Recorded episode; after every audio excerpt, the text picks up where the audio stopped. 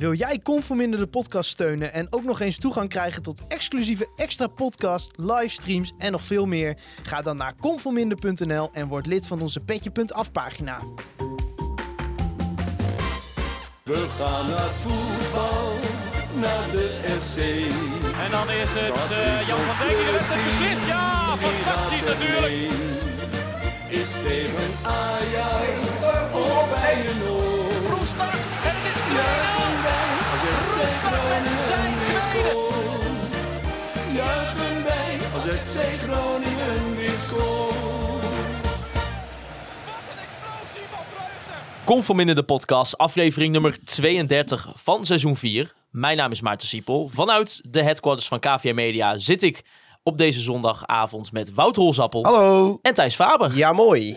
Om te beginnen eh, wil ik natuurlijk allereerst onze nieuwe Petje verwelkomen. En deze week zijn dat René Blokcel, Stijn Bouwman en Iwe Mollema.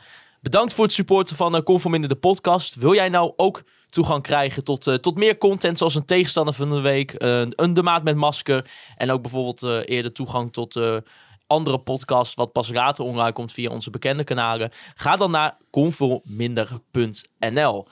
Ja, een krankzinnige avond in de Euroborg. Ik wou zeggen, toch niet bij de Van der Valk? Nou, ja, bij de Van der Valk, ja, daar kunnen we het zo over hebben. Maar ehm, ja, 4-3 voor FC Groningen. Voor de mensen die niet weten, Hols, jij was er wel bij. Thijs en ik ehm, gingen naar Van der Valk in Westerbroek. Ehm hoopten nog een deel van de wedstrijd mee te kunnen maken. Is niet gelukt, eh, Oh. Thijs. Oma had niet door. Nee, ja, we hebben ook wel drie gangen gedaan. Dus op een gegeven moment eh, ja, dachten we van dit gaat niet lukken.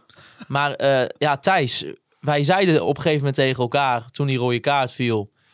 eh, en dat Heren, of, eh, NEC vervolgens op voorsprong kwam van gelukkig zijn we er niet bij. Ja, Nou ja, toen ik laatst een fluitsignaal klonk, was dat gevoel wel een beetje anders. nou, ik kreeg van verschillende mensen een appje. Thijs, het is maar goed dat je er niet bij bent, want je had je alleen maar geërgerd. Ja, Dus, maar ja, toen werd het 4-3. Ik kan de situatie wel schetsen eh, hoe ik erbij zat toen. Ik was namelijk eh, op de fiets onderweg van Van der Valk Westerbroek naar de Euroborg. Dat is eh, een dikke 5,5 kilometer. Daar zou ik volgens Google ongeveer 18 minuten over gaan doen. En toen ik op de fiets stapte, denk ik, ja, ik zet RTV Noord even aan. En toen ging net de blessuretijd in. Toen was het 3-3. Dus ik begon wat te fietsen en nou ja, toen eh, hoorde ik op de radio dat het eh 4-3 werd. toen denk ik, verrek. Dan wil ik nog wel proberen dat feest achteraf mee te maken. Ik heb lopen fietsen, joh. Echt waar. Als daar iemand van, van Jumbo-Visma of zo was geweest die dat had gezien. Die had gezegd van, stuur deze jongen naar de Tour de France deze zomer. Maar hield je het stil, zeg maar, op de fiets? Toen eh, Stefan Bleken door jouw oortje schreeuwde dat uh, Postema scoorde. was veel te geconcentreerd op het fietsen. Je moet je tempo aanhouden. Je moet zo snel mogelijk die trappers omdraaien. Nee, eh, ja, ik, eh, ik eh, was wel blij daarmee. Ja. Dat- ja, maar ja, iets in mij, op een of andere manier, als je er dan niet bij bent en je ziet het niet op tv, ja, dan, ja, ik ga niet eh, daar, dat is, daar bij Waterhuizen was ik inmiddels. Daar, daar zit zo'n Zo- zo- zo'n bedrijf dat schepen maakt. Ja. Daar fiets ik ongeveer. Ja, dan is het een beetje raar als je daar in het donker... er is niemand om je heen ineens keihard gaat juichen op de fiets. Dus ik heb het een beetje ingetogen gehouden. Maar eh, nee, ik ben snel doorgefietst. Maar eh, ik was helaas eh, te laat. Want de afstand was gewoon te groot om dat binnen 10 minuten af te leggen. Eh, maar ja, daarna wel het feest in het supportershome meegepakt. En Precies.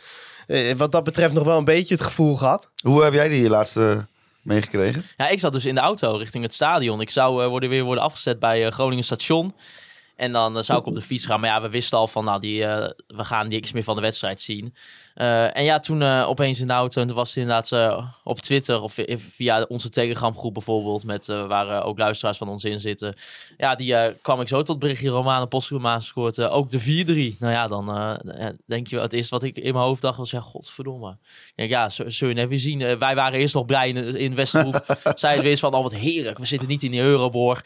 FC Groningen wordt helemaal weggetikt de tweede helft door NEC met tien man, schandalig. Nou ja, nou, dat het uiteindelijk zo afloopt is in ieder geval voor eh, FC Groningen. En uiteindelijk zijn Thijs en ik daar natuurlijk ook hartstikke blij mee.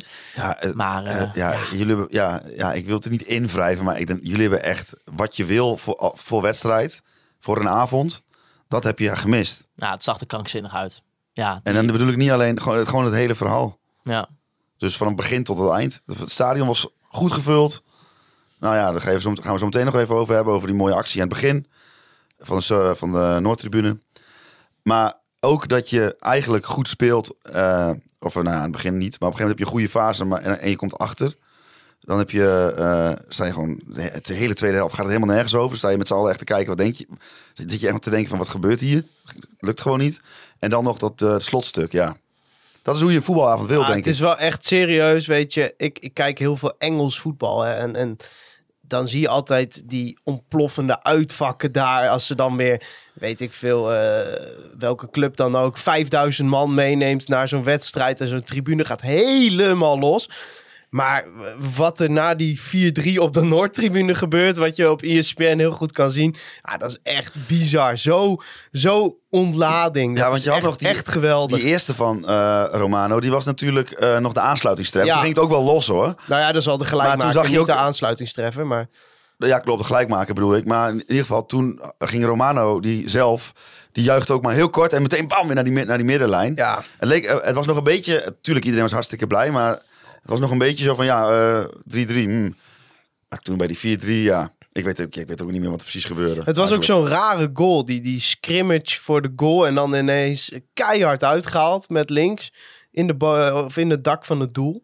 Ja, ja het is, als je die, die tweede helft eh, ziet, dan voel je hem gewoon niet zo aankomen.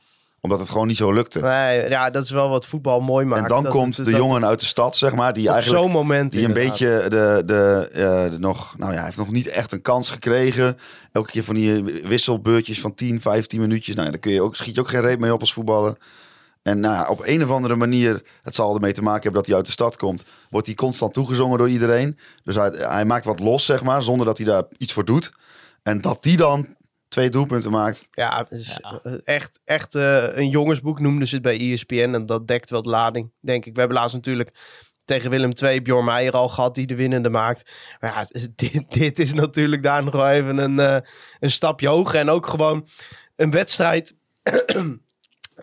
het was laat vannacht. een wedstrijd die, eh, zeg maar, eh, gewoon direct om play-offs gaat. Tegen een tegenstander die daar staat, waar wij allemaal zo graag naartoe willen. Wat we misschien eigenlijk al niet meer voor mogelijk hadden gehouden. Ja, en dat je nu acht wedstrijden voor het, eh, voor het einde daar ineens staat. Ja, op zo'n manier, weet je. ehm, die tweede helft was echt heel slecht. We zullen het zo wel inhoudelijk over die wedstrijd gaan hebben. Maar ja, eh, ik heb gisteren ook tegen een aantal mensen het supportershome nog gezegd. Eh, als jij in mei met die play-offs staat, dat je daar speelt, dat je misschien zelfs die play-offs wint, wie weet. Ja, dan heeft niemand er meer over dat dit een slechte tweede helft was. Dan, dan zegt iedereen van ja, dat geweldige moment en drie punten. Ja, Ja, de wedstrijd begon eh, natuurlijk, of in ieder geval de avond begon met eh, de sfeeractie van de Noordtribune. En daarvoor gaan we even naar de Online Retail Company moment van de week. Het Online Retail Company moment van de week.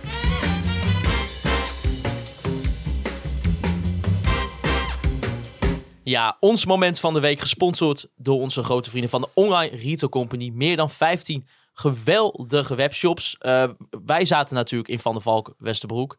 We zagen natuurlijk wel gelijk de foto, Thijs, hè, van, eh, van de sfeeractie. Hoe was dat in stadion, Hols? Nou ja, dat is dus heel gek, omdat je op de tribune staat waar het gebeurt, maar je komt dan op je plek en daar heeft de Noordtribune heeft op allemaal al die stoelen zo'n eh, zeg maar zo'n kaartje geplakt met wat de bedoeling is.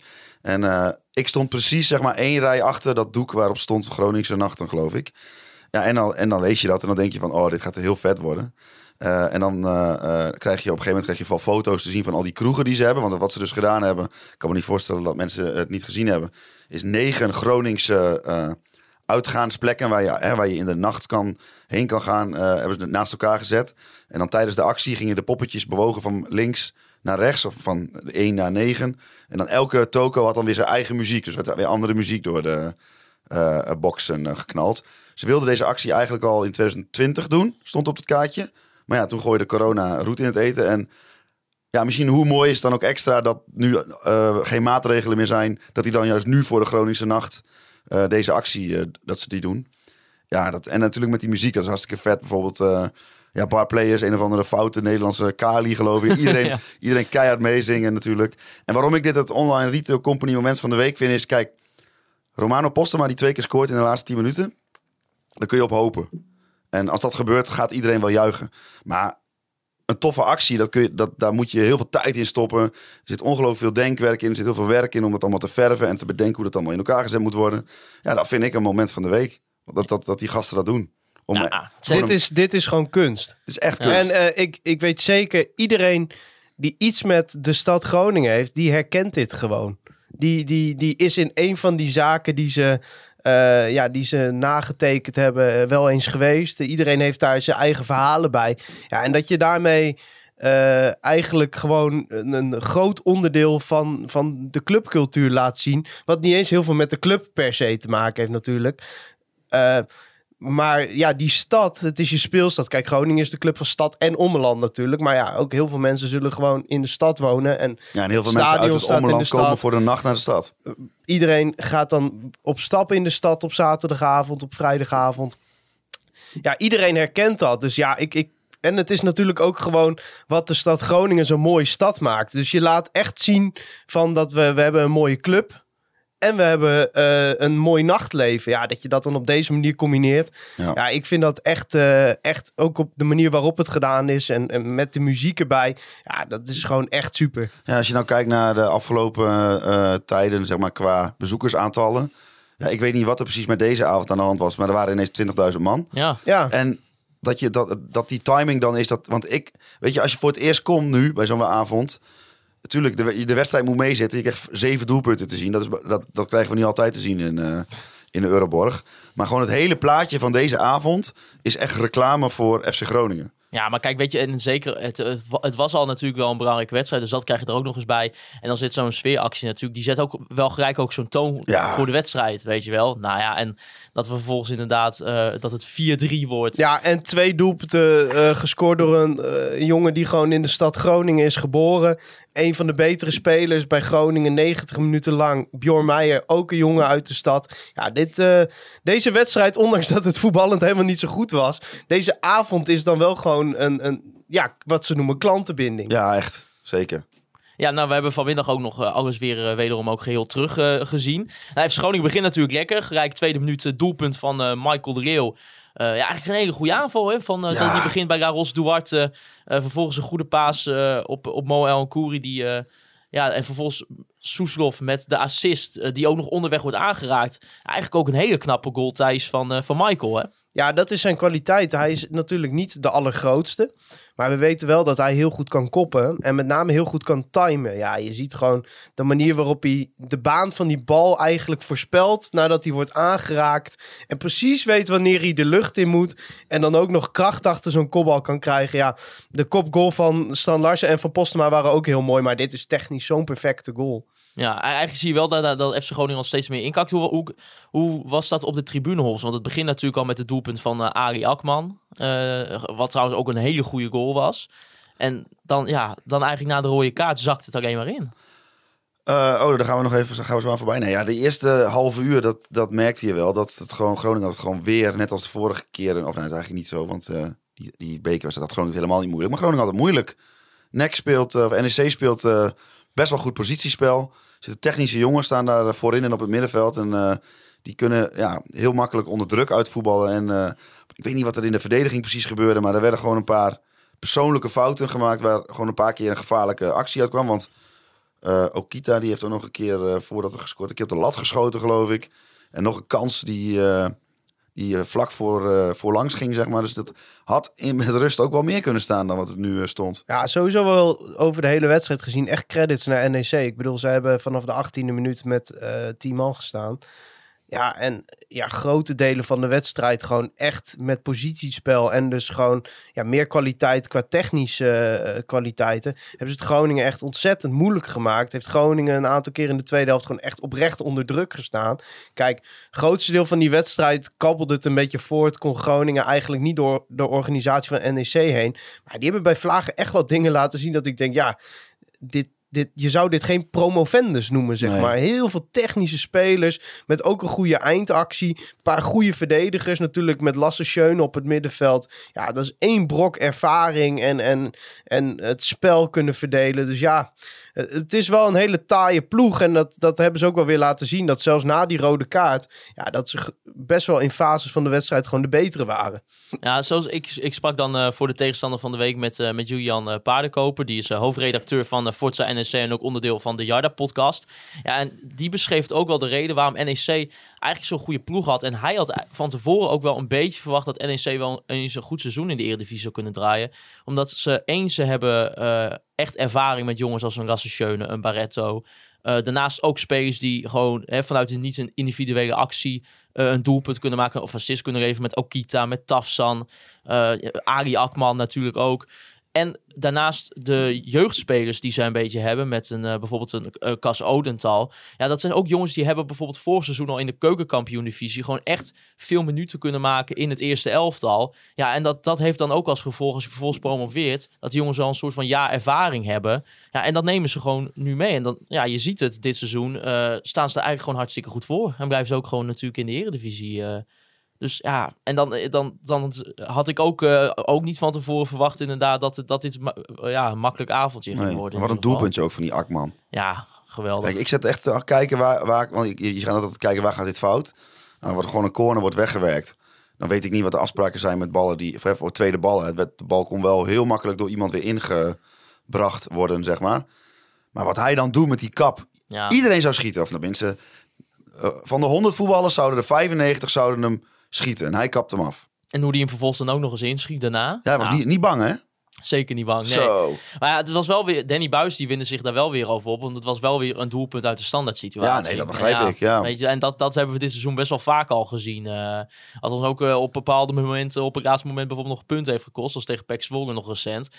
Ja, dat, eh, ik kan me wel voorstellen dat hij daar ook een keer gewoon helemaal zagrijnig van is. Dat Maar weer- ja, keer op keer gebeurt dat Gro- wel. Groningen heeft vier keer gescoord. En dat is een, eh, iets wat bij Buis niet vaak gebeurt.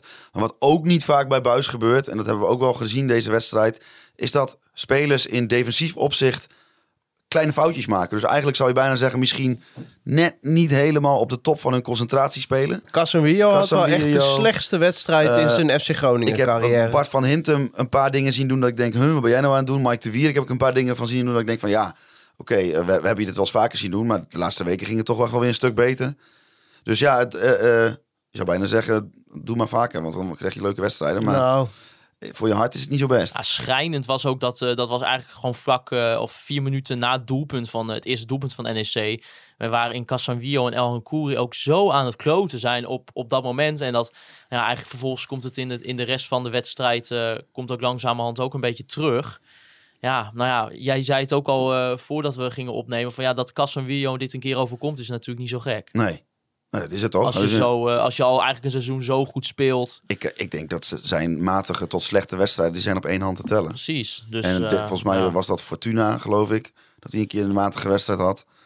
En dit was ook heel erg, heel erg matig. En dan nog doet hij ook hele goede dingen.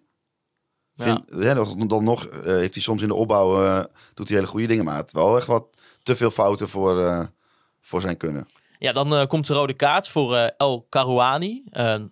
Ah, Siem van de K vroeg, ja, wat vonden jullie van, eh, van de rode kaart eh, van NEC? Ik denk niet terecht, hè? nee, ik vond het geen terechte rode kaart. Eh, dat, dat hoort wel wat uitleg bij. Want kijk, in principe eh, maakt hij natuurlijk een koppende beweging richting het hoofd van Strand Larsen. Ehm, en dan was het altijd wel de regel dat dat een, een rode kaart was. Maar je hebt, dit seizoen hebben ze een soort richtlijn gehanteerd. Hebben we onder andere ook in de klassieker toen met Anthony gezien. Die ook een slaande beweging maakte. Maar ja, dan was dan het, eh, eh, het verhaal was, ja, het was geen gewelddadige slaande beweging. Ja, en als je in de herhaling ziet eh, ja, wat voor kopstootje dit is, ja, dan vind ik het wel heel overdreven om hier rood voor te geven. Ik denk dat dit had je best kunnen afdoen als, als allebei een gele kaart en gewoon goed in de gaten houden dat ze. dat ze niet nog een keer een opstootje met elkaar aangaan. Want volgens mij was dit een redelijk regulier opstootje die je wel vaker hebt in een wedstrijd. En het begint natuurlijk bij dat Strand Larsen, eh, ja, Irritant. die bal tegen hem aanschiet. Nou ja, zo kennen we hem. En dat is ook wat hem een, eh, een fijne spits maakt als hij in jouw team speelt. Ja. En eh El Karouani moet daar niet zo op reageren natuurlijk. Dat zal hij zelf ook weten. Maar ik vind rood hier wel heel eh, zwaar gestraft. Ik vond het vooral... Kijk, het kwam FC Groningen goed uit. Hè? Nou ja, want, daarna ging, werd, werd, werd, eh, NEC beter. Maar, eh, ja, oké, maar wie weet wat er was gebeurd. Ja. Want ik vond NEC eigenlijk voor die rode kaart ook al beter. Ja. Eh, wie weet was er als, wat er was gebeurd als NEC gewoon met 11 was doorgespeeld. Maar Wat ik ook heel vreemd vond aan de situatie was dat die scheidsrechter bij zo. Kijk, ik vond het een beetje een, een, een twijfelmoment. Op de tribune zagen we sowieso niet wat er gebeurde. Maar dat hij binnen een seconde had hij die rode kaart Ja. uit zijn broekzak. Klopt. Ik, ik weet niet hoor, ik ben geen scheids. Ik heb ook nog nooit een wedstrijd gefloten. Maar misschien dat het wel iets verstandiger was geweest om even vijf stappen achteruit te doen, adem te halen. En oké, was dit echt rood? Was dit echt rood? Hmm. En dan, Ja. misschien, dan alsnog te geven. Nou, maar, je ziet, je ziet topscheidsrechters die gaan altijd even de situatie bekijken. Overleggen met hun grensrechts. Misschien zelfs even overleggen met de VAR. dat mag volgens mij, ja. De VAR mag niet Ja, advies en- geven. Het mag niet, maar het kan wel. Ja, precies, ja. Dat je in ieder geval de situatie even aankijkt. Hoe ontwikkelt zich dat? Maar eigenlijk ja, binnen drie, vier seconden nadat hij die kopstoot maakt... heeft de scheids de rode kaart al in handen. Ja, maar dat is het feit dat eh, de scheidsrechter na de wedstrijd zegt dat hij er spijt van heeft, zegt eigenlijk ook dat de VAR in dit opzicht niet goed werkt. Want die VAR denkt waarschijnlijk, ja, je kan hem geven. Ja, kijk, het is natuurlijk in eerste instantie ook eh, ja, niet handig van die speler van NEC... dat hij de scheids in de situatie brengt Nee, om die rode kaart te geven. Maar ik denk als je hier objectief, dat zijn wij natuurlijk niet... maar als je hier objectief naar kijkt, ja, vind ik rood wel zwaar gestraft. Kom, maar je weet, je, je weet dat het onderdeel van het spel is om te proberen je tegenstander uit de tent te lokken en domme dingen te laten doen. Je Ja, staat- maar en- stel dit was een speler van Groningen. Dan zaten wij hier nu van ja, eh, ontzettend dom vooral. Dus hij heeft er ook, ja, nee, laat dat voorop stellen of het nou terecht is of niet. De speler heeft zichzelf in die positie. Ja, hij heeft zich uit de tent laten lokken door een speler die een track record heeft dat hij heel irritant is. eh Strand Larsen bedoel ik dan. Nou ja, en eigenlijk daarna gaat het eh slecht met FC Groningen. Tieners vroeg ook, ja, wat vonden jullie van de tactiek slash opstelling eh, bijvoorbeeld na de rode kaart van het team?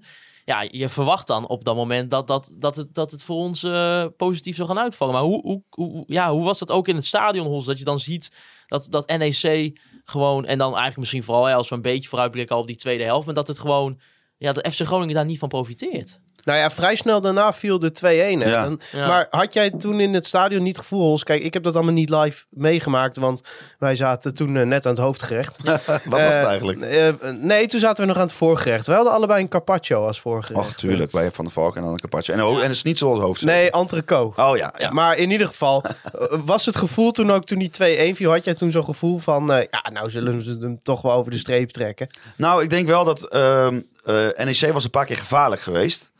En ehm, speelde ook best wel oké. Ze eh, kwamen makkelijk zeg maar, door de verdediging van Groningen heen. En dat die, dat doelpunt wel een beetje zoiets bracht van... Nou ja, nu is inderdaad wat je zegt. Van, nu is de band misschien een beetje gebroken. Want met 10 man eh, tegen eh, 2-1 zeg maar... dan moet je wel heel goed zijn om nog te winnen. Maar ja, NEC bleef eigenlijk gewoon doorgaan met, met aanvallen. Ja, Groningen heeft echt over zichzelf afgeroepen wat dat Ja. betreft. Ja, Jurgen liet ook eh, bij het doelpunt te zien eh kopsterk te zijn, hè? Ja, ja, Die komt ja. er echt goed in daar. hè? Technisch hele goede kopbal. Ja. Maar Dat is wel raar, want in kopduels vind ik hem nog steeds heel slecht. Ja. ja. Maar als hij gewoon een vrije kopkans heeft, dat hebben we toen tegen Vitesse ook gezien. Uit die vrije trap. Ja, dan Ah, weet hij ineens wel te scoren. jongens van Dwarte. Ja, dat is wel weer eh, dat fluwele paasje. Ja, geweldig. Ja, terwijl die Ja. corner was niet zo heel goed van Maar hem. toch, Maar dan eh, komt die eh, bal dan terug en dan... Toch denk Geeft ik dat eh. Duarte niet de speler was met de beste traptechniek op het veld. Nee, dat doelpunt, ja. Kijk, ik wil dat, ik, dat doelpunt Oh. van eh Schöne. Mensen zeggen, eh, bijvoorbeeld, mensen zeggen van, staat Leeuwenburg goed? Nou, weet ik veel, ik ben geen keeperstrainer. Ja, het was ook een Maar luisteraarsvraag bedenk even, hè, bedenk even. Veel mensen zijn al blij als ze een bal over de muur schieten en dat de bal dan niet over het doel gaat. Nou, ik heb De hier dus trap echt van helemaal Schöne- niks mee, maar maak je De verhaal. af. trap van Schöne was zo goed dat de bal alweer bijna op de grond was. Nou, ik vind dat echt onzin. Ik vond het helemaal niet zo'n goede vrije trap. Hij zat helemaal niet ver in de hoek. Nee, maar hij was, hij was hard en hij eh, daalde snel. En hij kwam dus, omdat, eh, omdat hij over de muur heen ging, kwam hij gedekt. Dus pas vanaf dat de bal over de muur was, kon Leeuwenburg pas, pas zien waar de bal kwam. Nou, ik heb gewoon twee vragen. Waarom springt die muur niet? Nou ja, dat is de, de keuze die je maakt. Dan moet je met de muur liggen gaan werken. En vraag twee is, waarom staat Leeuwenburg ongeveer bij de cornervlag? Ja, ik denk dat gevoelsmatig had hij nog wel een stapje verder naar de andere kant Hij springt ook helemaal niet bij het duiken. Überhaupt niet? Of bij de- hij gaat gewoon liggen. ja, dat... Nou, ik ben het wel met jou eens, Hols. Ik vind, eh, als je hem eerst zo, eh, met, met die snelheid eerst over de muur krijgt... en vervolgens nog Ik wil zo niet per zakt. se Leeuwenburg de schuld geven, maar hij zou hem ook niet eens wel pakken, Nee, zeg ik, maar, denk, die ik denk dat Schöne die bal tien keer op doel schiet, dat hij de helft van de keren dat hij hem wel pakt. Ja, maar, ja en, en, maar juist omdat die bal ook zo veel is gedaald... Rijkt het, ziet het er ook wel wat lulliger uit natuurlijk. Ja. Maar om, te, om, dat- om volgens dit mij te hij- dat dit een fout is, nee. Maar die bal was heel snel, zeg maar. Een hele Ja. snelle bal. En hij zat er ook wel met zijn hand bij. Hè? Dus het was niet zo dat, hij, dat het eh, een halve meter scheelde. ik vond het helemaal niet zo'n goede vrije trap. Nou, ik wel. Ja, ik ook. Ik vind het een hele Ja. goede vrije trap zelfs. Want dat je- omdat, omdat hij zo gedekt komt. Omdat hij, je ziet, de, de keeper ziet hem eigenlijk pas na 9 meter 15. Na, pas nadat die bal die muur voorbij is, kan eh Leeuwburg pas anticiperen. En die bal is dan ook nog eens heel hard. Ja, ik vind het een eh, hele goede vrije trap. Je zou willen... Nou ja, goed. We hebben, Duarte kan er ook eentje maken. Maar volgens mij wil iedereen eh, wel de- iemand met de vrije trap van Lasse Schöne in zijn team.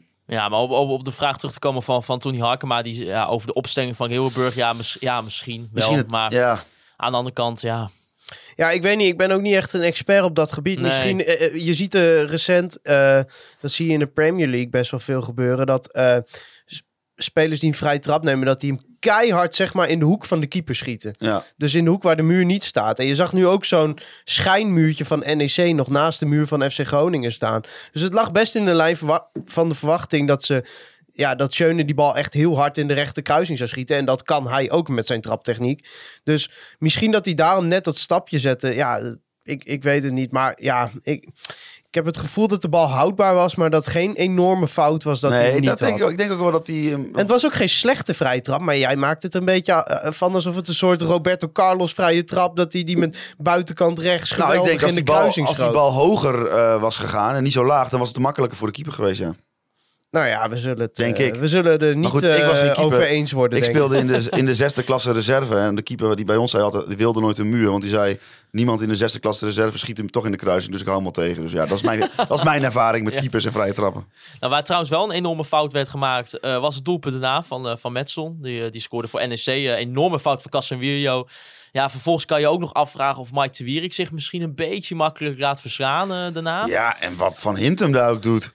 Van Hintem die wilde de bal van de lijn gaan halen of zo. op de Die wilde, doellijn die staan. wilde naast Leeuwenburg gaan God, staan. God, God. Nee, maar dat is wat ik net zei. Ik, Maar, maar Hols, dan zit je toch in dat stadion. Dan, dan, dan denk ik, eh, weet Ja, je, nee, die vrije tuurlijk. trap die kan er nog een keer in. Maar dan denk je toch, waar, waar zitten we nou naar godsnaam naar te kijken? met Natuurlijk de denk je rode dat, kaart? want dat is precies wat je, wat je denkt eh, van... Het, het is soms echt saai bij eh, FC Groningen eh, qua voetbal. Eh, maar dan weet je in ieder geval, als er de tegenstander aanvalt, daar, wo- daar komt het altijd wel goed. En dat was nu niet zo, want nu, ja, ze liepen een beetje, ze liepen ook allemaal raad, eh, kruislings langs elkaar heen en dan onder elkaar door. En het zag er allemaal echt niet het, uit. het is totaal niet wat je gewend bent van een ploeg onder Nee. Danny Buis. En ik dacht toen ik in het stadion zat van, of die Matson, die is net zo goed als Messi. Nou, dat valt eh, mee. Want zo, nee maar, eh, hè, Nou de van Groningen lieten- Messi, de Messi van tegenwoordig komt hij misschien wel Ja, bij ja, in de ja. buurt. Maar Nee, maar de, de, de, Groning, de Groningse verdediging liet hem eruit zien alsof hij heel goed was. Want, want die actie was verder wel heel goed. Maar ja, als jij zo aangepakt of niet aangepakt wordt, dan... dan, dan ja, dat, Ja, de enige die daar geen fout maakt is Leeuwenburg. Want die drijft hem nog naar de buitenkant Ja. eigenlijk. Wat het Twierik er allemaal aan het doen is. Die staat een soort eh, een rare tapdance te doen in die 16. maar je kunt wel zeggen van eh, NEC-spelers wat je wil, maar die schieten wel overtuigend die bal binnen hoor. Jeetje, Eerst ja. die Akman al en nu die Matson ook. Nou ja, wij hebben het eh, ook wel een beetje voor de grap gezegd. Dit is ook een beetje wat je hoopt als, als Abraham bijvoorbeeld zo'n bal eh, Ja. voor de poten krijgt, toch? Ik bedoel, eh, nou ja, we hebben het in de tweede helft ook weer gezien dat eh Ngonge een keer een bal voor zijn poten krijgt in de laatste 10 minuten. Dan raakt hij hem ook half. Ja, het is, ik zeg niet dat het, dat het een bewuste keuze is, in, in tegendeel. Maar zo schiet je een bal binnen. Nou ja, Met die overtuiging. in, in de rust gaat Danny Buis wisselen. Bart van Hintem haalt hij eruit. En voor hem komt in het veld Dareo eh Irandust. Thijs, vond je dat een logische wissel? Nou, het idee om naar vier verdedigers te gaan is in principe niet gek. Dat heeft FC Groningen ook dit seizoen al wel vaker gedaan eh, als het niet liep. Ik denk dat Buis ook zeker niet tevreden was over de eerste helft. Dat gaf hij ook wel aan. Maar in dit geval vond ik het een beetje apart, omdat ik het gevoel had... En daar eh, is ook wel eigenlijk vanaf het moment dat Dankelui er uiteindelijk weer inkomt... en er wel ineens weer met echte wingbacks wordt gespeeld... krijgt NEC het een stuk lastiger. Terwijl toen Groningen met vier stond en die backs dus eigenlijk iets meer verdedigende taken hadden ja, toen vond ik het toch wel dat, dat je wel wat minder profijt had van die man meer situatie, zeg maar. Dus ik vond het een aparte keuze. Ja, ik weet ook niet wat er aan de grondslag lag. En aan de andere kant moet je ook zeggen... het is regelmatig gebeurd dat Groningen naar vier verdedigers ging... en dat het ineens wel ging lopen aan de bal. Dus het is misschien met de kennis van nu ook wel weer makkelijk praten. Maar ja, ik- ja hij is er in principe wel op teruggekomen door Dankelui weer te brengen. En ja, Dankelui heeft samen met Postema wel gewoon een heleboel impact gemaakt met die, Ja. met die wissel. Wat Nou, vonden we van Iran dus? Ja, een beetje wisselend gevoel bij. Eh, je ziet bij hem, bij Vlagen wel, dat het wel een speler is die snel denkt. Die eh, een goede bal eh, in huis heeft. Die met buitenkantje even kan combineren met Duarte op een gegeven moment. Ja, en die actie waarbij die eh, eh, bijna scoort. Het is wel een speler die goed kan voetballen. Maar ja, in de duels ziet het er af en toe nog wel een beetje treurig het, was, uit. het was misschien wel een beetje, zeg maar, deze wedstrijd, hoe die, hoe die die tweede helft in ieder geval speelde, was het een beetje de samenvatting voor wat we al dit seizoen hebben gezien. Dus inderdaad, hier echt een paar keer echt een goede paas. En je ziet echt wel dat het een goede voetballer is. Maar ook in het, toch vind ik ook nog in het leven van intensiteit en ook in inderdaad duelkracht. Eh, Ja. Vervolgens ook nog een keer echt een cruciale fout. Ook dat hij hem eh, soort van wil terugspelen op Casemiro. Veel te kort. ja, maar dat kan, weet je, dat kan gebeuren. ja, Ja, dat vind ik- en dat ja, vond ik meer niet. een communicatieding dan daadwerkelijk een fout van hem. Nou, ik vind dat hij hem wel heel zwak inspeelt. Maar ja, ik weet niet, eh, ik weet niet wat op dat moment... Nou, kijk, zijn laat ik het zo eh, zeggen. eh, de, de, de, de, de Marijn Slachter eh, bandwagon. eh, voor, voor Iran dus, zeg maar, die eh, mag wat mij betreft gaan rijden. Hè, de, hij stond nog een beetje op het station. Maar de, de, de, de, mag, de, de, de machinist mag nu gaan, gaan rijden. Maar ik denk dat je, hetzelfde, dat, dat, je- dat je die dit jaar ga je die niet, nog niet Nee. zien op het niveau FC Groningen. Zeg maar in de zin van, daar moet echt nog wat bij aan, aan, aan wennen aan het hogere niveau. En hè, eh, overtuigender overkomen in duels, maar ook overtuigender in zijn keuzes die hij eh, verder maakt naar zo'n balletje tegen Casemiro. Dat is gewoon, het is een beetje half slap. Dat het kan is, niet. eh, dat het kan is- gewoon Het niet. is jammer dat je in het moderne voetbal niet meer met een luie nummer 10 kan spelen. Ja, maar ik, zeg niet dat hij lui is, maar meer iemand, een 10 die geen druk hoeft te zetten, die verdedigend geen taak heeft. Ja, het is ondenkbaar, zeker in het team van Buis. Maar eigenlijk een beetje, beetje wat Van de Vaart bij Tottenham Hotspurs altijd deed. Weet je, zo'n rol. Ik denk dat hij daar nu al wel geschikt voor zou zijn. Ja. Maar ja, voor eh, een modern voetbal met eh, hoog druk zetten, ja, daar heb je er niet zo heel en- veel aan. Zeker is- niet als hij de bal niet heeft. En wat misschien lastig is, is dat hij als, als, als buitenstaander, zeg maar, een beetje als atypische buisspeler. Is hij in het buis, moet hij, in het, moet hij zeg maar in het buissysteem, moet hij zeg maar. Ja, maar als we vooruit gaan kijken, Wormoed eh, gaat ook. Die verwacht hetzelfde van spelers als Ja, Buis. nee, maar ik bedoel, dat, dat weet ik wel. Maar eh Wormoed kan, die komt hier met een selectie, die is er dan al. Dus die kan wel iets meer gaan kijken van, hey, hoe ga ik dit op, hoe ga ik deze selectie bouwen? En daarin neemt hij een type Iran dus dan mee. Ja, nee, dat, dat, dat is zeker waar. En daar zal hij ook zijn tactiek op aanpassen. Misschien wel. Maar ja, eh, weet je, je hoort Danny Buis ook zeggen, als je het hem vraagt, dat eh, Iran dus niet goed genoeg om daar een heel team omheen te bouwen, zeg maar. Het is een goede speler. Maar je kunt niet zeggen van, nou weet je, Iran dus, eh, jou eh, laten we die verdedigende taken laat maar zitten. Het is geen Arjen Robben, zeg Nee. maar. Dat is eigenlijk de enige speler die ooit te horen heeft gekregen van Buis. Arjen, laat zitten die verdedigende taken. Jij bent goed genoeg om... Ja, maar misschien moet, moet je als FC Groningen supporter soms ook genoegen nemen met het feit dat zo'n jongen, dat sommige jongens even een jaar nodig hebben om aan een bepaald niveau te Nee, rennen. ik schrijf hem ook niet af, maar Nee, af en maar- toe eh, maak ik me wel zorgen ja, erover. dat snap ik. Ja. Ook omdat je het gevoel hebt dat hij best wel goed is. Jongen, heb je, jij, jij zat niet op te letten toen we net terugkijken bij die actie van hem. Maar hij scoort echt bijna. Dat was echt een Ja, geweldige actie. ja. Ja. Ja, dus hij- het- is best wel een goede speler. En ook Alleen- een paar paasjes. Alleen, het, ja, nog niet helemaal. Nee, maar als we dan eigenlijk ook kijken naar de, luisteraarsvraag van eh, Bart Groenhoff. Die, die vraagt dan, ja, wat vonden jullie van het aanvalsplan eh, de tweede helft? Eh, Op een gegeven Nou ja, moment wordt Groningen gewoon helemaal weggetikt. Heel simpel. Ik denk inderdaad dat toen eh uh, Dankelui er weer bij kwam en je weer met een echte, wing, met echte wingbacks ging spelen. Dat voelde vertrouwder volgens mij. Dat- Ja, en NEC had ook ontzettend veel moeite met eh, die eh, combinatie tussen El Hankouri en Dankelui. Daar zijn wel twee, drie kansen uitgekomen. Eh, Ja. Waaronder de goal van Posten. Maar uiteindelijk valt eh, de 4-3 ook omdat eh, Iran dus ineens eh, in die, ja, die zone tussen de as en de flank vrij kan komen. Omdat Dankelui dat veld Ja. helemaal breed houdt. Dus NEC had daar ontzettend veel moeite mee. Dus wat dat betreft heeft Buis het wel goed omgezet. Eh, Ja, je zou maar, kunnen zeggen dat... eh, maar die 30 minuten voor die omzetting, ja, daar Precies. was, daar was ook wel wat goed te maken. de, ja. de, de, de omzetting kwam misschien, misschien iets eh, te laat. Of te laat, het kwam, la het Nou ja, kwam laat. uiteindelijk kwam het op tijd, maar het had al iets eerder gekund. Ja. Maar ja, eh daar tegenover moet je zeggen, dat- zetten dat NEC op de counter ontzettend gevaarlijk Ja. was. Maar ja, dat vind ik echt, vond ik echt gek om te zien. Want die speelde soms echt... eh, eh, Ik denk dat vanaf de... Je moet me erop eh, corrigeren als het niet klopt hoor. Maar ongeveer vanaf de 60 tot, tot 67ste minuut...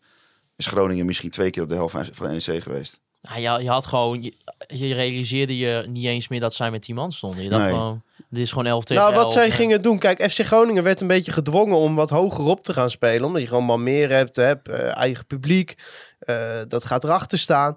Ja, en dan moeten spelers als De Wierik en Van Hintem ineens met heel veel ruimte in de rug spelen. Ja, zet daar een Okita of een Tafsan tegenover. Wat gewoon ontzettend goede spelers zijn. Die ook hartstikke snel zijn. En in de kleine ruimte een hoop kunnen creëren. Die Ja. Matson, dat blijft ook maar gaan. Die, ja, want eh, op een gegeven moment... Dat, Scandinavische spits. Dus ja, dan, dan wordt het eigenlijk elke keer als Groningen weer naar voren gaat en de bal verliest, is het meteen spannend op de Nou, omschakeling. dat was wel grappig, want toen we net terugkijken was het eigenlijk hetzelfde als in het stadion. Want op een gegeven moment ging Tafsan de heren niet mee, Eh, maar ik- gewoon- ja, je hebt Akman. gelijk. Ah, ja, Akman. man. Ja, ik, I, eh, I stand corrected. Maar in, eh, op een gegeven moment ging die, kwam die bal, eh, die schoot door naar, terug richting Leeuwburg. En toen ging, liep er een speler van NEC heen en een van Groningen. En in het stadion dachten we allemaal, oh help, dat eh, ze toch niet Bart van, of niet eh, Mike zijn of zo. Maar dat bleek dus Meijer te zijn. Dus die speler van NEC was het kansloos, want Meijer is veel sneller. Ja, gelukkig, ja. Maar eh, dat was wel belangrijk dat daar nog even iemand stond met snelheid. Ja, maar Meijer heeft dat twee, drie keer moeten doen. Maar ja, dat zijn dus momenten dat Bjorn Meijer niet eh, Nee, dat klopt. links op de flank staat om er weer een voorzet te kunnen geven.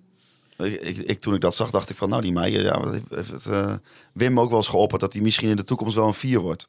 Ja, want hij heeft daar ook de fysieke kwaliteit van. Maar ja, dan zie ik hem weer een voorzet geven op Strandarsen. Dat ik denk, ja, Ja, zo. ik wil hem ook wel gewoon Ja, op ook- linksback hebben. Ook dat moet je niet vergeten, hè? want tussen al die eh, eh, slechte, eh, eh, nou ja, slechte fases door, ook in Er de eerste helft, in de tweede helft, Ja, een paar goede voorzetten op eh, Strand Larsen, die, waar hij net tekort kwam. Ja, en, ja Strand Larsen vond ik, en die omhaal van Strand Larsen. Ja, Zo. ook. Wat heeft hij daarmee? ja, maar dat is bij hem gewoon echt een kwaliteit, die omhaal. Hij heeft er al, nu al één gescoord en twee eh, bijna. Ja, ja. Maar ook, hè, jij zei het ook dat je hier even aandacht aan wilde besteden. Wat is die soms echt ongelooflijk slecht met zijn aanname. Als je zijn technische eh, kwaliteiten hebt, dan vind ik dat je vaker een bal goed moet aannemen. Want ten eerste, als je dat doet, kun je sneller doorspelen en hou je tempo hoog. En ten tweede, hij verliest gewoon heel vaak ballen.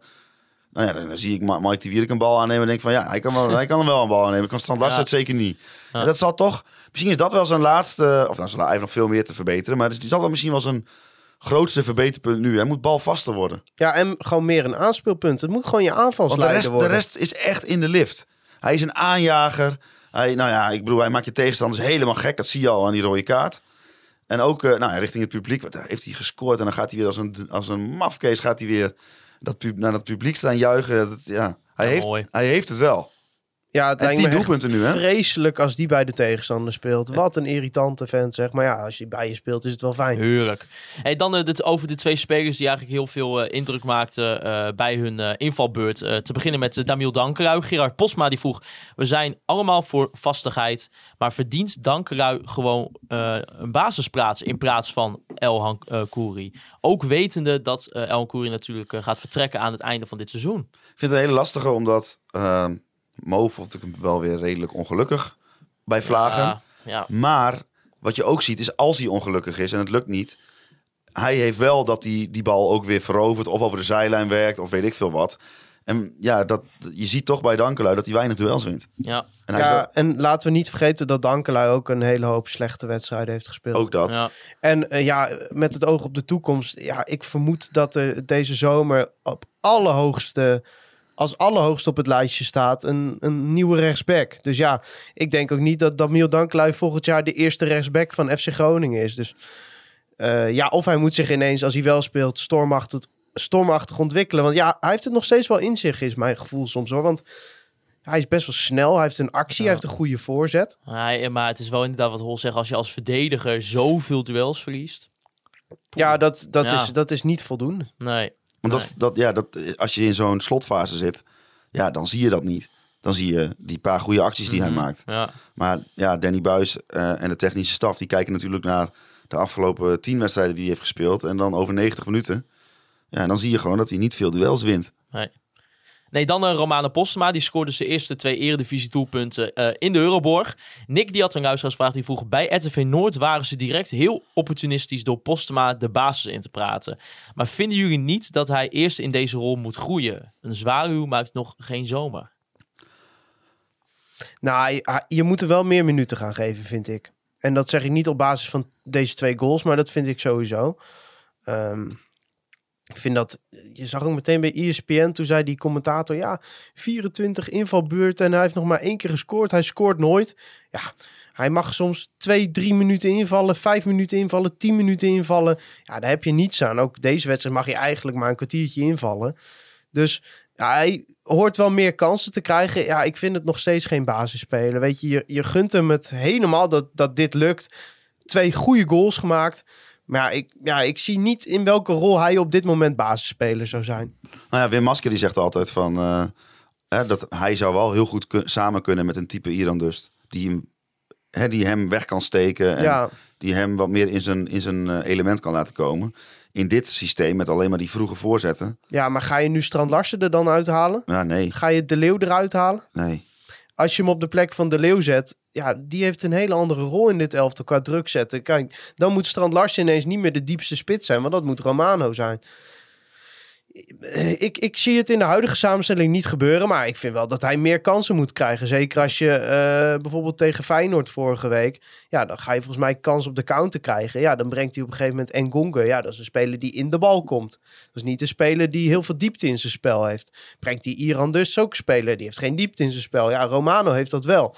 Dus ik- ja, ik, ik vind er wel wat voor te zeggen om hem ook naast deze twee goals gewoon meer kansen te geven.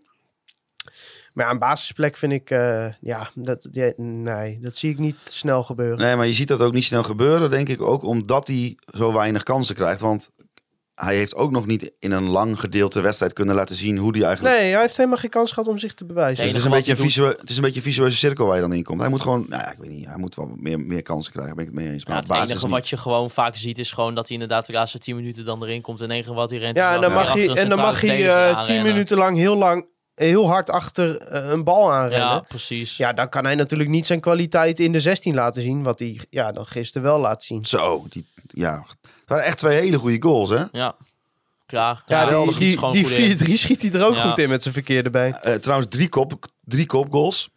Ja, dat is ook bizar. En alle spitsen gescoord. Alle, In één alle- wedstrijd. Alle spitsen gescoord. Ja, dat zie je bij FC Groningen ook niet vaak. Nou, tenzij, ja, de Gonga speelde ook wel in de spits, hoor. Dus eh, die, die, die ging ook wel in het centrum spelen. We houden het op alle spitsen op papier. Ja. De Leeuw, Postema, Strand Larsen, alle drie gescoord. Ah, ik ben wel natuurlijk wel benieuwd wat Frank Wormoed straks met hem gaat doen. Want eh, nou ja, we kunnen er wel van uitgaan dat Jurgen in ieder geval wel gaat vertrekken voor een x-bedrag in de zomer. Ja, eh, of dat daadwerkelijk ook echt de kans voor eh, Romano gaat bieden dat hij een vaste basisplaats zou kunnen krijgen. Nou ja, dan zou eh Flederis zoveel vertrouwen in Postema moeten hebben... dat hij denkt van, nou, ik kan net, net als Meijer, dan haal ik gewoon niks... en dan eh, hoop ik dat het wat wordt. Maar ik kan me Ja, niet dat zou sowieso geen optie Ik kan me zijn. dat Maar... niet voorstellen. Nee, ik ook niet. Maar ik kan me ook niet eh, voor... Ja. Ga je dan een, nog een jonge spits halen om ze, de concurrentie met elkaar aan te laten gaan? Of ga je een spits halen die twee, drie jaar ouder is... en waarvan je zeker weet dat hij in ieder geval al eh, een bepaalde volwassenheid meebrengt? Wat ik eh, ook wel interessant vond, was eh, het interview van eh, Daniel Tegen van OogTV met Danny Buis over Romano Postma. Daar zei Daniel Tegen tegen Danny dat van ja, Romano heeft misschien een beetje een, moeilijk jaar. Danny zag dat eigenlijk helemaal niet zo, omdat hij zich gewoon aan het ontwikkelen is. Jurgen zich gewoon voor zich heeft en dat niet per se zo ziet. Wat vinden jullie? Is het wel een moeilijk jaar voor Romano of niet? Nou ja, ik denk dat hij wel had gehoopt meer speeltijd te hebben. Hij heeft het natuurlijk bij Den Bosch goed gedaan. Zeker die tweede seizoenshelft. Eh Dallinga is vertrokken, concurrent minder. Ja, ik denk dat hij wel gehoopt had meer speeltijd te krijgen. Zeker omdat hij in de voorbereiding, dat vergeten we nog wel eens, stond hij op een gegeven moment in de hiërarchie boven Strand Larsen. Nou had dat meer met Strand Larsen te maken dan met Postema. Maar ja, het zei wel wel dat Buis wel vertrouwen in hem heeft. En Ja. ja, Ja, dat, ja, hij moet het toch elke keer, we hadden het er net al over, met die, met die invalbeurtjes van een paar minuten doen. Ja, Ja, toch, dat is ja. voor een spits nooit fijn, want hij komt er nooit in dat hij echt vanaf nul mag proberen eh, die wedstrijd te beïnvloeden. Toch vind ik het ook wel mooi hoe Buis naar kijkt. Want zo kijkt hij bijvoorbeeld ook naar de Congo. Hij bij ons in de podcast hij bij ons was. Hè, dat, van hoezo, eh, wa- waarom is het erg dat Ngongo nu op de, op de bank zit? Die heeft zometeen aan het eind van het jaar heeft hij 25 wedstrijden in Groningen ingespeeld. Nou ja, goed. eh posten maar dan iets minder. Maar ik snap wel wat. Ik denk dat hij op de training wel die jongen echt ziet groeien. En dat zien wij natuurlijk niet. Nee, klopt. En eh, daarom denk ik dat hij op, dat- op eh, zo'n antwoord geeft. En dan kan het alsnog zijn dat Romano wel denkt van... eh, doe mij maar elke wedstrijd basis. Tuurlijk, wat denkt elke voetballer? Maar ja, misschien, misschien is, is, zijn ze daar Romano wel echt aan het klaarmaken voor volgend jaar. Je weet het niet. Of tenminste, dat, dat, dat hij volgend jaar echt wel er staat. En dat hij wel vaker in de basis staat. In ieder geval eh plek 8 veroverd. Het supportershome daarna was ook nog mooi, hè? Oh, Ja, was toen, eh, feest, ja. toen was onze hereniging. Toen waren we weer met z'n drieën. Ja, klopt. Ja, geweldig. Ja, en het is een beetje een soort van surreëel dat je dan... Ik fietste dan van het station naar de Euroborg. Nou, echt een zee aan mensen komt richting de stad fietsen. En Ja. dan ga je zelf nog naar, naar een soort van dichte Euroborg toe... waar alleen nog het supporterzone een beetje open is. Maar ja, heerlijk. Even met eh, drinken. eh, Geert Bronsema gepraat. Ed Voetenkont die vindt dat wij kritischer moeten zijn. Kritischer? Ja. Oké. Dus eh, waarvan akte? Oké, ja, dat zou kunnen. Ja. Ik, ik was ook nog iemand die kwam naar, eh, naar ons toe en die zei dat we bewegingsarmoede potentieel aan het oplossen waren. Want hij zegt van ja, als jullie bij wijze van spreken een podcast zouden maken van twee uur, dan zou ik alle twee uur luisteren terwijl ik aan het hardlopen ben. Nou, dan, dan, ja, dan ga ik ook gewoon twee uur hardlopen in plaats Ja. van 45 minuten. Ja, hij zei, hij dus dat hij dagen spierpijn had gehad omdat die podcast met Danny Buis zo lang duurde. Ja, wij hebben dus ook blijkbaar een bijdrage aan dat bereidsplan om dat bewegingsarmoede aan te pakken. Ja. Ja, ik, er was ook nog iemand die vroeg via Twitter van, heeft Sipon nog steeds een kraantje papi trainingspak aan? Dat vroeg Nick. Ik weet niet of Nick ook gisteren de persoon was die ik ook sprak over het kraantje papi trainingspak, want ik had zijn naam niet gevraagd.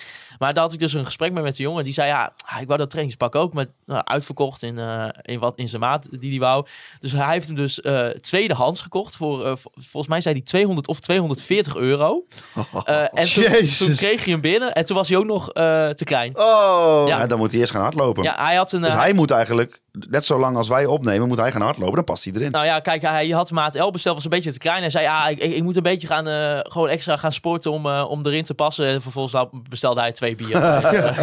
Ja, dat Robij, hè, die kledingsponsor van ons, die moeten echt een keer normaal gaan doen met die maten. ja. maar ik moet zeggen, die Want, van mij... eh, Dat zijn onzekermakende maten. Ja, nou, vind je dat? Ja, nou is dat ja. zo? Ik vind elke keer dat hij, dat hij bij mij past, hij elke keer perfect. Ik ben niet, ik ben niet afgetraind, maar Nee. eh, XL, dat, daar schrok ik wel even van. Ja, oké, maar jongens, we komen van Puma, hè? Ik bedoel, daar, eh, daar zat je zo strak in... eh, daar werd je ook niet vrolijk van. Het was een soort alsof je een soort van scuba, een scuba of latex Ja, pak dat aan had. op, opgeknoopte rollade Ja. was je dan. Ja, nou, precies, ja. Dan zit het oventje open, even Ja. een half uur sudderen en klaar. Ja, ja, dat was altijd bij Puma een beetje het geval. Dat eh, vind ik, eh, ja, ik weet niet, ik, maar dat is misschien voor mezelf hoor, dat ik het wel prima vind eh, tot nu toe. Maar eh, ja, ik vond, het wel, ik vond het wel een grappig verhaal. Dat is sowieso weer leuk dat je ook een beetje weer met supporters onderling eh, dat soort eh, gesprekken kan voeren in de zomer. Ik vind dat wel mooi. Eh, dan eh, over het nieuws van de afgelopen week. Want eh, er bestaat de kans nog steeds dat Glenn Bell naar FC Groningen komt. Mark-Jan noemde het al een interessante speler. En vanwege natuurlijk de, ja, de ontwikkelingen in, in Oekraïne en, en de oorlog tussen Rusland en Oekraïne... heeft de FIFA de mogelijkheid gegeven aan buitenlandse spelers om uit Rusland te vertrekken voor een half jaar. Transfervrij zou dat dan zijn. En zo kwam de naam Glenn Bell ook richting FC Groningen, die momenteel in Rusland speelt bij Krylia Sovatov Samara. Eh, en ja, eh, dus tijde- tijdelijk transfervrij. Eh, Danny Buis benoemde daarin van als wij de komende twee wedstrijden het goed doorkomen qua fitheid en schorsingen, heb ik voor de laatste weken geen behoefte aan nog een veldspeler. Je moet altijd maar afwachten wat voor invloed dat heeft op de dynamiek. Wat mij betreft is het zoals de zaken er nu voor staan niet nodig. Ja, jongens, eh, Christian en Ekki die vroegen ook: ja, wat vinden jullie ervan eh, dat Buis liever niet heeft dat uh, Glenn Bell komt? ik snap niet dat je de hele winterstop aan het zeuren bent om een rechtsback. En dat je dan een rechtsback aangeboden krijgt en dat je zegt, nee, dan hoef ik hem niet. Terwijl het volgens mij ook nog een goede rechtsback is.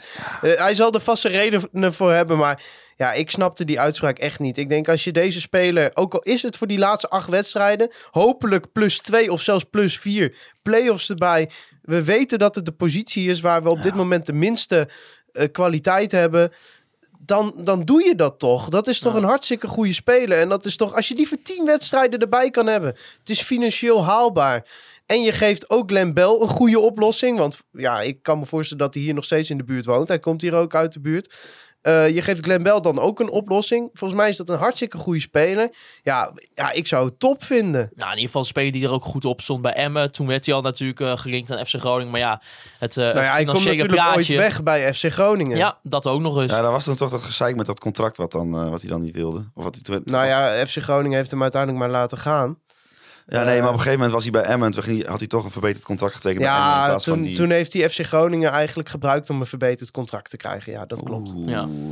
Maar ik vind het ook... Ik vind Ja, het ik snap Oh, dat snap ik vanuit zijn perspectief helemaal dat Ik hij dat toen gedaan heeft. En ik snapte ook dat Groningen hem toen weer terug wilde halen. Eh, omdat het gewoon echt een hele goede speler is. Ja, ik snap, ik snap in dit geval Buis ook wel. eh, dat je zegt van... eh, uiteindelijk weet je toch niet wat je krijgt. En als dat dan... Ja, maar dat is altijd zo. Weet eh. ik, maar als dat in de winterstop is, dan heb je nog 16, 17 wedstrijden. Nu zijn het er nog, hoeveel zijn het er nog? Ah, zes, zeven of zo, weet ik veel. Nee, het zijn nog acht wedstrijden. Ja, dat is toch alweer anders. Maar goed, eh, aan de andere kant moet hij ook niet zeuren. Als hij gewoon een goede rechtsback in zijn schoot geworpen krijgt, dan moet hij die gewoon in zijn selectie eh, Ja, maar het is bekend dat Buis heel graag een rechtsback wilde. En dat hij daar ook wel onderling met Mark-Jan Vladeris eh mee gebotst heeft. Dat hij dat graag wilde en dat het uiteindelijk niet is En dan gelukt. kunnen ze mooi Nou ja, samen goed, judoën. Dat, eh, ja. ja, ik denk dat ze zich daar allebei Ja, wel overheen kunnen zetten. wel- dat weet ik wel. Maar eh, ja, dan vind ik het eigenlijk raar dat, dat wanneer Mark-Jan Vladeris op de proppen komt met een, gewoon echt een goede rechtsback, dat je daar dan op deze manier ook al aan de voorkant, als je ernaar gevraagd wordt, had dan neutraal gereageerd. ja. Want stel Mark-Jan Vladeris haalt hem nu, dan lijkt het direct weer alsof de trainer hem niet moet en alsof ze elkaar maar lopen tegen te werken. Dus nee, ik vond dit echt En- niet sterk van Danny En wat ik me ook afvraag, kijk, als je hem nou ook nog eens be- eh, bedenkt van... hé, hey, misschien kan hij wel langer blijven dan, eh, eh, dan dit halve jaar. Kijk, zijn contract loopt tot 2024 en het, deze regeling geldt volgens mij tot juni of zo, juni, Ja, zoiets. ze moeten, eh, al, tenminste zoals het nu is. Kijk, Ja. Het, ja, het hangt natuurlijk ook af hoe de situatie straks in juni Maar is kijk, eh, in ja. Oekraïne. Maar Ik woon niet in, in Rusland, maar ik kan me voorstellen dat als je nu een Nederlander bent in Rusland... dat je ook zoiets hebt van, nou, ik weet het allemaal niet. nee, ja, klopt. Maar ja, da- ja dat dan is de zou vraag. dan zou je ook- contract ont, Precies. ontbinden. Maar als, als de intentie van Vladeren zou zijn om dat uit te zoeken of dat mogelijk is... dan moet je hem helemaal al halen. Ja, ja, klopt. Nee, dat vind ik ook. En dan, eh, dan moet je ook gewoon... eh ja, laat weer zijn, Danny zit hier nog een aantal weken. Eh, ik, denk, ik denk, tenminste, stel voor als het echt een optie zou zijn... zou ik in de zomer echt... Als, als we hebben rechtsback nodig, Glenn wel... zou ik in ieder geval papier zeggen, gelijk doen. Toch? Ja, ik ook. Ik denk het Ja? ook. Ja. Dus, eh, dus ja, maar ja... Mark-Jan, eh, je hebt onze toestemming. Het is, ja, het is even afwachten, want het, er, zit, er zit echt, eh, nou ja, die regels die zijn allemaal net gekomen. Het is allemaal, ja, wat kan wel, wat kan niet. Ja, Dus ze moeten het zelf ook nog helemaal uitzoeken. hè. Dus ja. het is natuurlijk niet makkelijk. Nee, dus het, het, het is nog niet eh, per se eh, het nieuws dat, dat hij morgen tekent of wat dan ook. Dus het is nog even afwachten. Maar eh, ja, het is in ieder geval goed om te weten dat het eh, ja, misschien ook wel in de zomer een optie zou kunnen zijn. Het is, ja. eh, het is maart, maar dat, eh, ik vind het toch wel weer lekker om over een Ach, transfergeruchtje te kunnen Ja, praten. ja, dan mis je, ja, zo, Ja. op het moment dat het er niet is, dan mis je dat gewoon. Ja. Dus, eh, maar ja, wie weet, uh, Glenn Bell, ja, we gaan het eh, merken. Volgens mij hebben ze ergens tot, tot april of zo, eh, dacht ik uit mijn hoofd, dat ze die spelers konden vertrekken als ze dat zouden willen. Ik heb het niet echt eh, gevolgd. Ik volg wel heel veel actualiteit, maar voetbal interesseert me dan in, in zo'n geval wat minder. Ja, precies. Nee, We- nee dat is ook niet zo We merken het wel. Ja. Eh, dan eh, nog even over te, tegemoetkomen. Ik was ook benieuwd wat jullie, jullie eh, daarvan vonden. FC Groningen die had afgelopen donderdag een, een mail gestuurd naar iedere seizoenskaarthouder. Ehm, eigenlijk met het nieuws rondom de tegemoetkoming. Nu hadden ze eigenlijk een aantal verschillende opties gegeven. Nou, één natuurlijk dat je gewoon je geld terug kan krijgen op je bankrekening. De andere was dat je korting kon krijgen op je seizoenskaart, alvast voor vol seizoen. En ook nog dat je een, een donatie kon doen aan bijvoorbeeld Stichting Raad ons weer eens eh, eh, samen juichen. Of Stichting FC Groningen in de maatschappij bijvoorbeeld.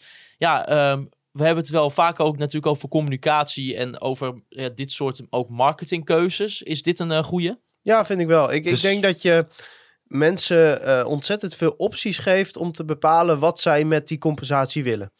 En dan geef je iedereen de vrijheid om dat op zijn eigen manier in te richten. En ik vind het ook heel slim om gewoon te zeggen, je kunt het ook als korting op je volgende seizoenkaart krijgen. Waardoor misschien ook wel heel veel mensen denken van, oh, nou dan, dan verleng ik ineens mijn seizoenkaart wel bijvoorbeeld. Ja, Dus eh, nee, ik vind dit eh, eh, allemaal prima opties. Ja, het enige wat ik wel hoorde, eh, het, het, het, het zou FC Groningen niet zijn als in de uiteindelijke uitvoering een paar schoonheidsfoutjes zitten. Want bijvoorbeeld, als jij, sommige mensen hebben een seizoenkaart op hun naam staan die ook van hun kind is of van hun wie dan ook. Ja, die meerdere kaarten op die hun meerdere naam kaarten op hun naam hebben staan. En je kunt maar zeg maar één keer kon je maar, ik weet niet of het al is opgelost hoor, dan moet je hem even voorbouwen. Ja. Maar je kon maar één keer kiezen en dat ging dan meteen over al je kaarten. Dus stel je voor je wil voor je zoontje het geld doneren, maar voor jezelf wil je gewoon eh, eh, bijvoorbeeld korting op je, op, je, op je volgende seizoen. Dat kon dan niet. dus dat, zijn wel, ja. dat, dat is dan wel een kleinigheidje wat dan eventjes eh, verbeterd moet worden.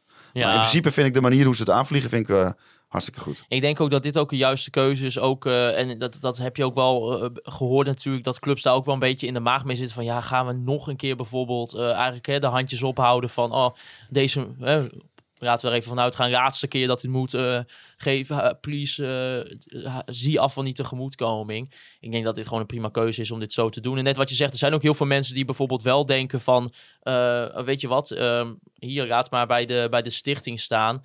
Eh, want ze hadden er bijvoorbeeld ook gewoon voor kunnen kiezen van... Weet je wat, we gaan alle seizoenskaarthouders... gaan we nu gewoon het bedrag terugstorten Ja. en, en klaar. En Ja, dat bij die, dat, als het, die stichting, dat geld komt ook weer terug bij de club natuurlijk. Dus, Daarom. Dus, en dan kunnen eh, weer mensen van naar het voetbal, dus dat is prima. Ja, en net wat je zegt, ook mensen die ervoor kiezen om, eh, om hè, bijvoorbeeld inderdaad voor het seizoenskaart volgend jaar die korting te gebruiken, die komen toch allemaal dan gewoon weer verlengen de seizoenskaart. En weet je, je houdt al die mensen uiteindelijk toch gewoon wel vast. Dus eh, ik denk dat dit gewoon een, eh, een prima optie is. Ja. Wat ze hebben gedaan, toch? Dat was een, eh, denk dat deze week al met al een eh, mooie reclame is voor FC Groningen. Ja, het enige wat ik wel nog had, dat had ik ook nog genoteerd, dat was wel een beetje kritiek op, bij het uitvak. Tenminste, ik, omdat ik natuurlijk voor de tegenstander van de week sprak met, met Julian Paardenkoper, de supporter van de NEC. die had het er wel over. Die waren een, een uur voor de aftrap waren ze bij de Euroborg. En toen, eh, zoals hij het dat dan naar mij op WhatsApp, ik was er natuurlijk niet bij eh, op, op dat moment. Maar zoals hij zei, van we moesten met 400 man door twee poortjes heen. Eh, en daarmee kwam ook nog de, de aftrap eigenlijk in gevaar als het gaat om het, het halen van de aftrap. Nou, uiteindelijk had Groningen er wel drie, drie stewards bij gehaald en uiteindelijk liep het wel door. Dus iedereen was wel net op tijd binnen. Maar het was dus wel een beetje... Kiele kiele. Ja, een beetje kieren. Dus nou ja, net wat ik zeg, ik was er niet bij. Maar eh, volgens mij eh, had Klaas-Jan, die had aan ons ook, eh Klaas-Jan Teveen had tegen ons ook al gezegd dat, dat de supportersvereniging van NC er ook wel een beetje kritiek op had hoe dat was gegaan. Maar ja, verder waren ze wel erg tevreden over de catering blijkbaar. Het broodje hamburger thuis, we hebben het hier eerder besproken. Met, met een paar uitjes erop. Ik weet niet of die anders is in het uitvak, maar hij viel daar heel erg goed aardig. Nou, dat is, eh, En dat, is, eh, ook. dat is fijn voor onze patat- eh, bezoekers. Maar de patat is ook goed. Hè? De patat in het stadion van FC Groningen is altijd prima. Dan voel je altijd weer dat je nieren hebt. Ja, ja, het is richting de bewegingsarmoede is het niet zo best, maar voor de rest, hè, ja, je kan niet, eh, je kan niet auto. Nee, maar ik, ik neem aan dat eh, de melding vanuit eh NEC wordt doorgezet naar de mensen die erover gaan bij FC Groningen. En dat ze ervoor gaan zorgen dat de volgende keer beter is. Dus Ja, precies. ik hoop dat eh, dat, dat eh, gebeurt. En over het uitvak, het is altijd een beetje jammer in eh, het stadion dat je niet zo goed hoort wat er aan de overkant gebeurt. Maar volgens mij was dat echt een heel tof uitvak.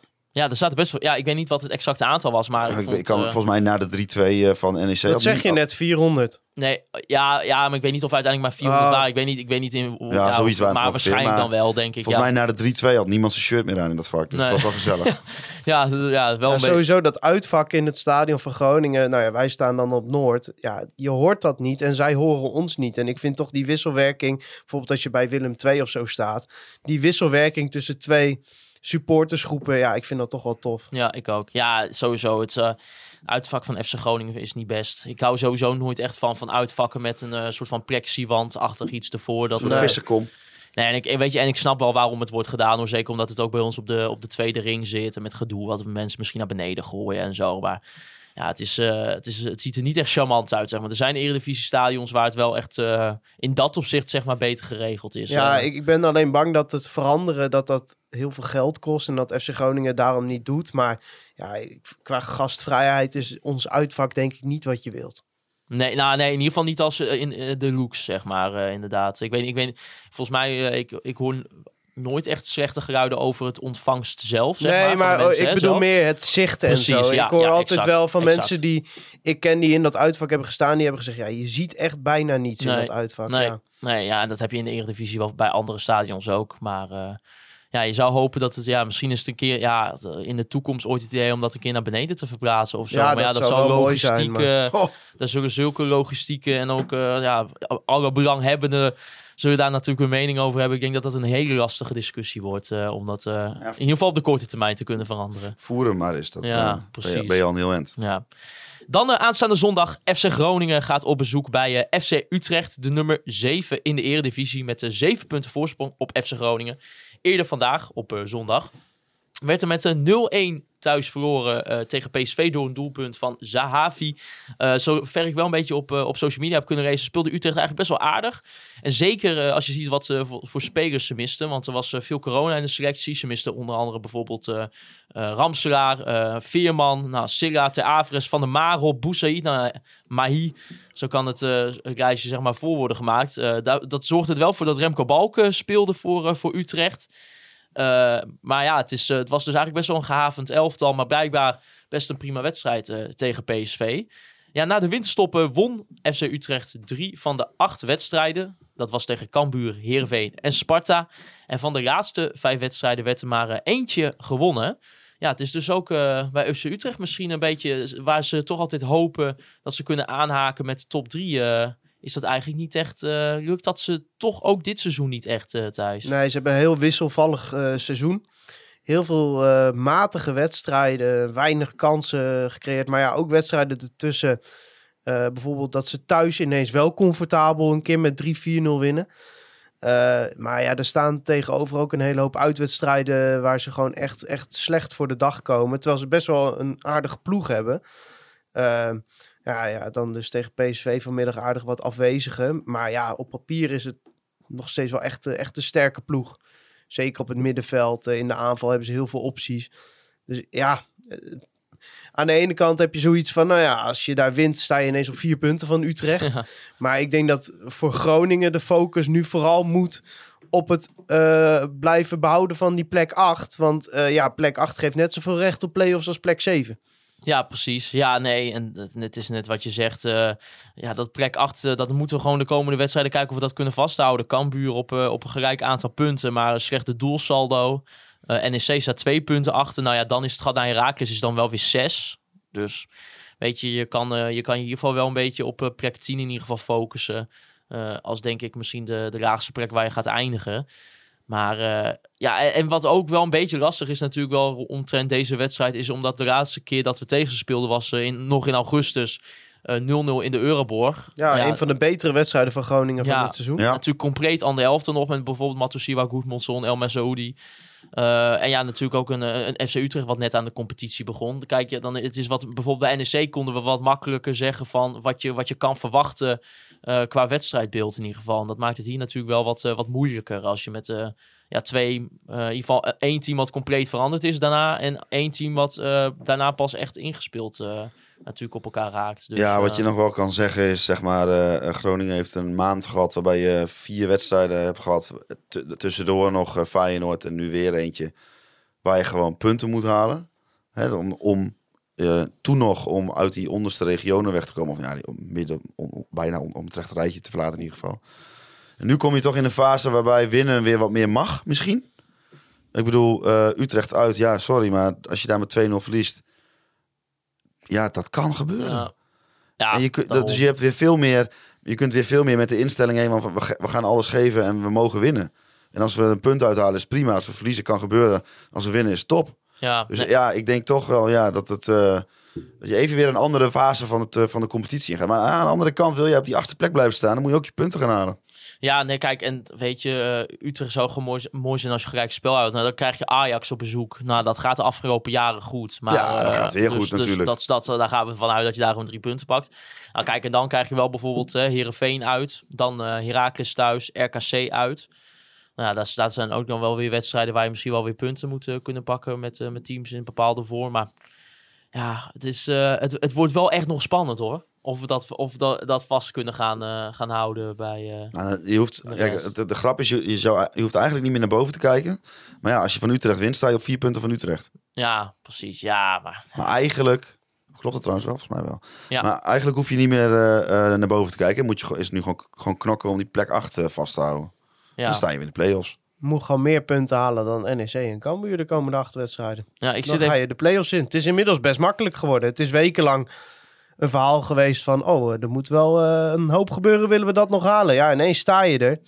Maar ja, wat Buis zelf ook aangeeft... van ja, er zal wel wat moeten veranderen... ten opzichte van eh, die tweede helft tegen NEC... om dit vast te houden. Ja, kijk, dit, dat is het ook wel vooral. Weet je, als je nu denkt eh, 4-3 gewonnen, lekker, weet je, om aan de posten. Maar ik bedoel, we zijn in, in euforie. Maar de wedstrijd was eigenlijk gewoon verschrikkelijk van de FC Groningen's kant. Nou, nou, ja, het was Ja. niet best, maar Nou, met ook... 10 man, kom op. Ja, klopt. Ja, weet je, dan, eh, dan als je dit tegen Utrecht doet, dan, eh, dan is het echt gewoon... Het is eh, moeilijk om dat uit je strot te krijgen als je daar op de tribune hebt Ja, nee, dat klopt. En dat is ook zo. En zeker met het hele verhaal wat we hebben gezegd... dat het een soort van sprookjesboek was eigenlijk het gisteravond. Ja, dus nou ja, we gaan, het, we gaan het zien. Wat wordt het, Wouter Holzappel? 1-1. Het wordt eh, 1-1. Ja. Lekker. Puntje. Doelpuntje Puntje. van... Het doelpuntje van eh Iran dus. Hier en dus. Ja, die, die zat er zo dichtbij. Was er zo dichtbij deze week. En ik, ik gun hem dat. Dat hij gewoon een mooie actie en een mooi doelpunt maakt. Wij allemaal. eh Thijsies. 0-1. Zo. We zetten er gewoon de lijn voor. Jurgen Stad Larsen. Jurgen Standeraarsen. Omhaal? Ja, Nou, nou, het is toevallig geweldig. dat je dat zegt. Ja, Ja, ja, nou, nee, bij hem is dat helemaal niet meer toevallig. Ik ga voor een 2-2. Oh, dat is Ja. wel leuk. Ja, het, is, eh, het, eh, Jij zit helemaal in de flow van de leuke wedstrijden met. FC Ach, het wordt zo Groningen. leuk. Het wordt Dat zo is pas leuk. echt de waan van de dag. Ja, het wordt zo leuk weer. Gaan jullie er nog heen eigenlijk? Is dat nog een idee? Ja, de autokaarten zijn al uitverkocht. Dat is aan de ene kant natuurlijk eh, eh, Mooi. goed, goed. Maar aan de andere kant, Als je er- gezien het feit dat ik nog geen kaart had, is dat wel kut. dus nu eh, ja, is de vraag of ik in de bus ga zitten. Ik, eh, ik, eh, het ligt aan of eh, het is een beetje de vraag. eh Donar speelt de bekerfinale Ja. in Martini Plaza. En eh, als ik daarbij mag zijn, dan moet ik daarbij zijn. Oh. Vanwege de aanpakkers. Hè? De videoserie waarin wij Kjeld Zuidema onder andere volgen van Donar. Eh, en ja, dat is natuurlijk wel een momentje waar we, waar we dan eigenlijk bij zouden moeten zijn. Ja, zo'n bekerfinale, dat laat je niet zomaar schieten. Nee, dat, dat is de, dus. eh, maar ik moet nog even met de Hinkje aan de apotheker bellen of ik, of ik daarheen mag. Eh, mag, mocht, het, eh, mocht het eventueel een beetje moeilijk zijn qua film, omdat de bekerfinale is, dan, eh, dan gaan we er niet heen. En dan, dan zou ik wel naar de wedstrijd gaan. Maar eh, ik ga er in principe gewoon vanuit dat ik Den Donar ga. We hebben bij oog nog wel een perska liggen. Doe je die gewoon op. Ja. ja, precies. Nou ja, we gaan het zien. Maar in principe zit ik, eh, zit ik bij Donar. Ik zit in Oostenrijk als het goed Och, is. heerlijk. Heerlijk. Hoe lang ga je? Eh, drie, drie dagen skiën, dus eh dagje Ja, reizen. jij hebt eerst een spa- spannende week natuurlijk. Oh ja, heel goed dat je dit nog even te Ja, berden want, brengt. wa- want inderdaad, waarom Morgenavond op op om 8 zondag? uur op OogTV en bij Dagblad van het Noorden en het Forum. Het grote lijsttrekkersdebat voor de verkiezingen van 16 maart, aanstaande woensdag. Uw presentator, Met Wouter uw presentator. Wouter Holzappel. Goh. En mijn collega Echo die de debatten leidt samen Oh, met eh, Johan jongens, de Veer. En ik jongens. vergeet nog natuurlijk Theresa Langelen met wie ik het presenteer. Ja, en wij, wij supporten jou. Hè? We hebben gewoon kaartjes voor Nee, het debat. Maarten heeft zelfs een functie. Ja, ik heb gewoon een kaartje voor Maarten het debat. mag op eh, knopjes drukken. Ik ga in het publiek zitten en ik ga niet voor die politici juichen. Maar ga jij ook, ja, wil jij ook misschien dege- degene zijn die een beetje, als ik zeg maar iets zeg van... En dan nu het debat. Dat jij dan gaat klappen en juichen? Oh ja joh, echt waar. Ja, geweldig. Ja, en het bloofvuurwerk worden. Ja. Ja, nou ja, dat eh, denk ik wel, ja. Uitverkochte Rabozaal in het Forum. Ja, die was Dan- snel uitverkocht. Ik weet niet welke harde kernen van welke politieke 192 partijen. mensen kunnen daar. Ja? ja. Ja, je weet niet. We gaan, we gaan zien welke harde En kernen... om, om de reclame nog een beetje door te voeren, mocht je nou mogen stemmen in de gemeente Groningen en je weet het nog niet, ik heb 16 podcasts gemaakt. Als je nog even 16 uur over hebt deze ja. week, dan eh, nee, kun je ze die alle 16 Ze terugluisteren. duurde iets meer dan een half uur en de laatste Ja. is met alle nieuwelingen, die eh, eh, duurt eh, een drie kwartier. Dus eh, kijk, weet je, als je, je, je, je twijfelt nooit tussen alle partijen. Je twijfelt tussen drie of vier partijen. Als je die gaat luisteren, weet je binnen twee uur heb je, weet je wat je moet kiezen. Ja, er zaten ook weer een paar goede scripts bij. Ik ja, weet dat- niet, als ja. je dat zo voorlas... Ik heb eigenlijk niks gedaan voor die serie. ik heb alleen maar de vragen voorgelezen die jij, Maarten, hebt voor mij het voorbereid. Ja. Eh, Dus ja, je- nou, dus ja... Om nou nu al de credits te nemen voor, eh, voor het werk. En jij hebt er nog wel elke keer een half uur mee gezeten. Ja, dat klopt. Nee, het was een mooie samenwerking, denk ik. Ach, eh. geweldig, Ros. Wij kunnen zo goed samenwerken. Zeker. Ja, geweldig. Dus eh, morgen in het forum. We kunnen alle ultra's verwachten van, van de SP, van, van CDA. Ze zijn er allemaal. Dat wordt één grote ik, hoop dat er geen, ik hoop dat er Pyro is in de Rabozaal. Ja, wie weet. eh, is het eigenlijk vrij vervoer? ja. Ja, SP uit? weet ik niet. Dat soort dingen. Nou ja, voor de mensen die dan nog geïnteresseerd hebben, dan kan je gewoon naar Oog, OogTV gaan, hè? Ja. Geweldig. Nou, top. Ik wil natuurlijk ook even de bedankjes doen. Eh, te beginnen natuurlijk met Andy Zuidema voor de foto's die we elke week mogen gebruiken. Ik wil Free Westerhof en Mark Pepping bedanken voor de intro en outro muziek. De Online Retail Company en B-Trip voor de Online Retail Company moment van de week. Natuurlijk ook al onze petje.affers die supporten via conforminder.nl. Volg ons op alle social media kanalen Facebook, Instagram en Twitter. Ook op TikTok, zoals Thijs altijd nog zegt. Uh, je kan ook ons een review geven op Spotify en Apple Podcasts. Heb je dat nog niet gedaan? Doe dat vooral even. En als laatste wil ik jullie de luisteraars natuurlijk bedanken voor het luisteren naar Conforminder, de podcast.